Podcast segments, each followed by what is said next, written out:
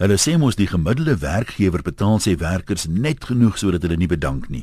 En die werkers reageer dan deur net hard genoeg te werk sodat hulle nie gefire word nie.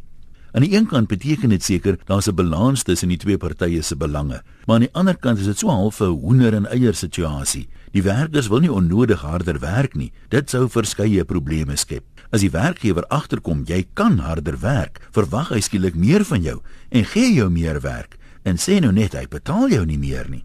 Dus reageer die werker met dis nie my werk nie. Die werkgewer moet hom eers meer betaal, dan sal hy harder werk. En so wil niemand die eerste skuif maak nie en op die ou end verander niks nie. Werkersdag is pas verby en gewoonlik hoor 'n mens eienaars van ondernemings kla oor die verlies aan produktiwiteit en inkomste en ekonome bereken dat 'n openbare vakansiedag die ekonomie miljoene kos.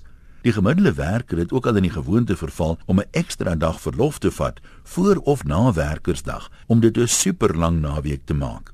En as werkersdag op 'n woensdag val, vat hy sommer 2 dae af. Dis natuurlik nie al nie. Die dag waarop sy lang naweek begin, wil hy vroeg loop om die verkeer te ontglip. En op die dag na sy lang naweek kom hy laat by die werk, want hy kon nie betyds opstaan nie en het boonop nog vergeet hoe erg die verkeer is na 'n lang naweek. Waar kom werkersdag in elk geval vandaan en wie woon die saamtrekke by waar sogenaamde leiers vir die skare vertel hoe belangrik hulle as werkers is? Dis die laaste ding wat ek op 'n afdag wil doen om na politieke toesprake te luister. Hulle sal my moet inlok met meer as 'n kospakkie en 'n T-shirt wat nie pas nie. Die werkers kom onder die indruk hoe belangrik hulle is en dan raak hulle groot kop. Kort voor lank staak hulle vir meer geld en beskadig boonop 'n klomp eiendom net om hulle mag verder te beklemtoon.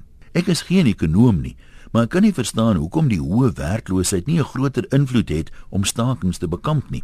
As ek weet daar's 'n paar miljoen mense wat bereid is om my werk te doen vir minder as wat ek nou betaal word, sal ek twee keer dink voor ek staak.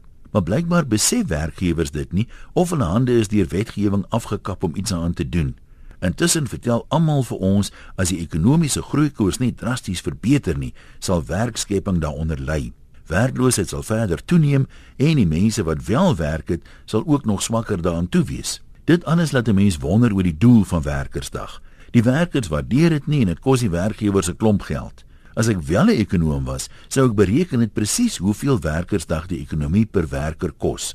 As jy nou die helfte van daai geld hou en jy vat die ander helfte en jy gebruik dit om elke werker 'n keuse te gee, van die ekstra kontant en werk of verbeur die kontant en vat die dag af. Wat sou jy kies? Of sou jy gestaak het omdat dit onbillik is om jou voor so 'n drastiese keuse te stel? Jy het mos daarom ook regte. Groete van werker tot werker. Antoniem